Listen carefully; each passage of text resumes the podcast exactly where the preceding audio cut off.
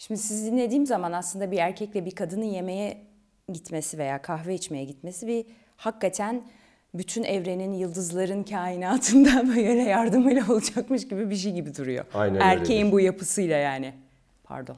Kadın erkek ilişkisinin yapısı aynen dediğiniz gibidir. Kainatın bir parçasıdır o. Onun için kainatın bizim henüz bilemediğimiz kuralları devreye girmeye başlar.